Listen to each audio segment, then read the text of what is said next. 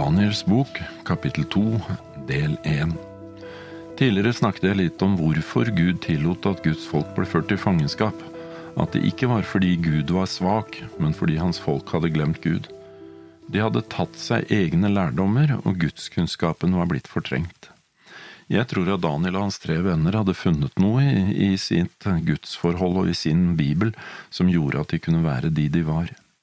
Daniel viser og understreker gjennom hele sin bok at hans visdom ikke er noe han hadde fra seg selv, men at den kommer fra Gud, fra himmelens og jordens skaper. Nøkkelverset i kapittel 1 var eh, vers 8, men Daniel satte seg fore i sitt hjerte. Det er utrolig viktig. Alt kommer an på hva vi bestemmer oss for. Kapittel to begynner med at eh, i sitt andre regjeringsår hadde Nebukadnesar drømmer som gjorde hans ånd urolig, og han fikk ikke sove. Allerede her vil jeg be deg å merke deg hva som står. Daniel overlater ikke til vår fantasi å finne ut hva som skjer.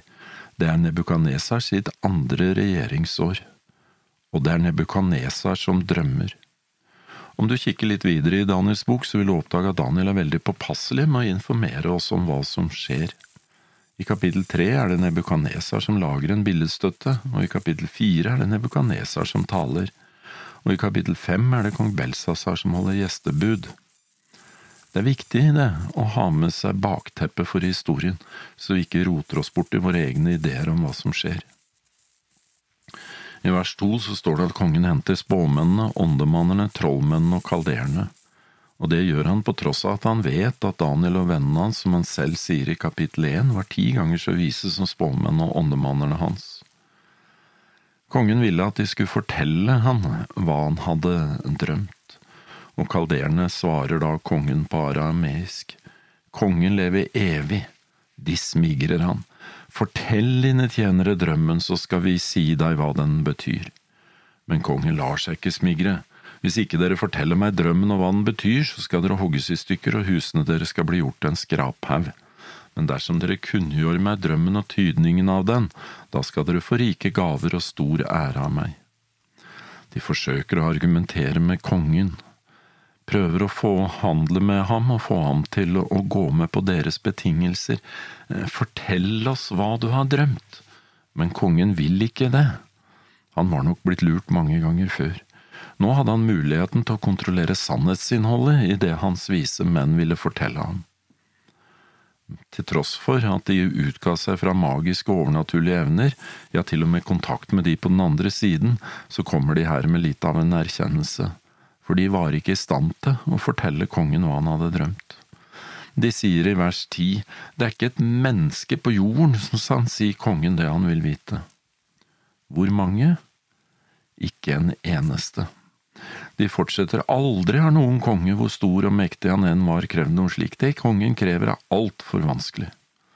De mener med andre ord at det ikke var noe problem hos dem selv, det er kongen som er vanskelig å kreve for mye av dem. Legg merke til det. På tross av trolldom og okkult kunnskap åpenbarer de her at de er maktesløse. Samtidig åpenbarer de at de vet noe om hvem som besitter en større kunnskap enn det mørkets makter gjør. For de sier selv at det er ingen andre enn gudene som kan kunngjøre kongen det han vil vite. Det er en stor forskjell på den okkulte verden og på Guds verden. I Guds verden er det en Gud som åpenbarer seg selv, han meddeler seg. Det står hos profeten Amos i kapittel 3 vers 7, for Herren, Herren gjør ikke noe uten at han har åpenbart sine skjulte råd for sine tjenere profetene. Det er et guddommelig prinsipp, og jeg liker det. Gud åpenbarte seg for Adam og Eva etter fallet, lærte dem veien til frelse og ga dem et løfte om at en av kvinnens ett skulle knuse slangens hode. Dersom du studerer Bibelen, vil du se at før alle store begivenheter i denne verden har Gud sendt en profet for å opplyse og forberede sitt folk. Jeg skal nevne noen få eksempler. Før vannflommen sendte Gud Noah. I 120 år advarte Gud folket. Før det babylonske fangenskapet sendte Gud Jesaja. I godt 120 år før begynte han å advare folket. Ja, Gud sendte dem også flere profeter, men folket likte ikke det de sa. Før Jesu første komme sendte Gud døperen Johannes for å forberede veien. Ut fra det så kan vi også forvente at Gud vil sende oss også en profet før sitt andre komme. Jesus praktiserer åpenhet. Minst tre ganger hadde Jesus sagt rett ut at menneskesønnen skulle korsfestes og oppstå. Hvorfor trodde disiplene ikke på det? Tenk gjennom det Jesus selv sier. Jeg har talt fritt ut til all verden. Jeg har alltid lært i synagoger og i tempelet der alle jøder kommer sammen. I det skjulte har jeg ikke talt. Det står i Johannes kapittel 18 og vers 20. Det er ikke Guds åpenbaring det er noe i veien med, men det er vår vilje til å ta det til oss, det som Gud har åpenbart for oss. Gud åpenbarer noe for kong Nebukadnesar, og Gud åpenbarer noe for oss. Legg merke til hvordan åpenbaringsboken begynner. I vers 1 står det at det er Jesu Kristi åpenbaring, som Gud ga ham for at han skal vise sine tjenere det som snart skal skje. Han sendte bud ved sin engel og kunngjorde det i tegn for sin tjener Johannes. I talen sin i Matteus 23 og 24 så sier Jesus, Se, jeg sender til dere profeter og vismenn og skriftlærde. Hva gjorde de med det? De slo i hjel profetene og steinet dem som ble sendt til dem, fordi de ikke likte det de sa. For Gud har en standard, det er noe som er rett og noe som er galt, og Guds profeter løfter opp Guds standard.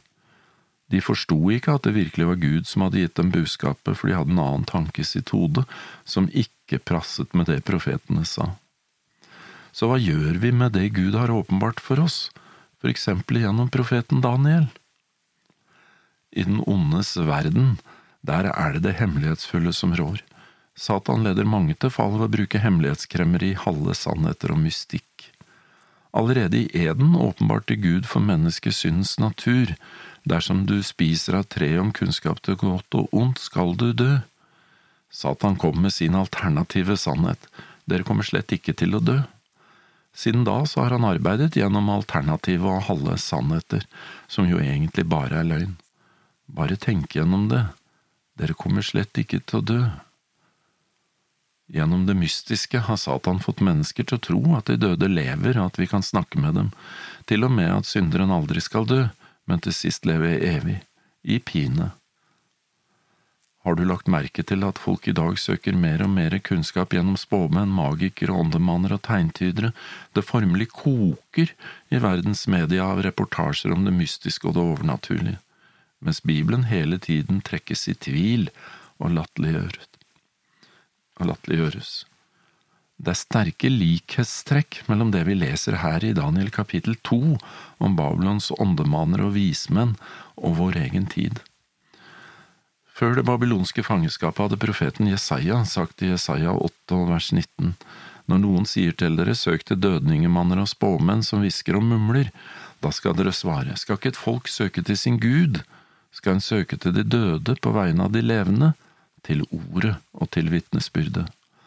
Det interessante her er til og med at Babelens vise menn har sagt noe sant, for de erkjente at det ikke er noen andre enn gudene som kunne kunngjøre for kongen det han ville vite, men de tok feil når de hevdet at Gud ikke har sin bolig blant menneskene. Bibelen åpenbarer det stikk motsatte. I andre Mosbok kapittel 25 og vers 8 står det la, bygge, la dem bygge en helligdom for meg, så vil jeg bo midt iblant dem. Det visste de lærde i Babylon ikke noe om, for det er en sannhet som den onde forsøker å holde skjult for menneskene. Jesus var jo Ordet, slik som Johannes skriver i, i det første kapittelet i evangeliet sitt. I begynnelsen var Ordet, og Ordet var hos Gud, og Ordet var Gud. Når du kommer ned til vers 14, så sier han at ordet ble kjød og tok bolig blant oss. Det var Jesus. Det er Jesus som er Immanuel, Gud med oss. Og det åpner veien for at Guds ånd også kan bo i oss, noe selv den babylonske dronningen senere i Daniels bok i kapittel 5 også erkjenner.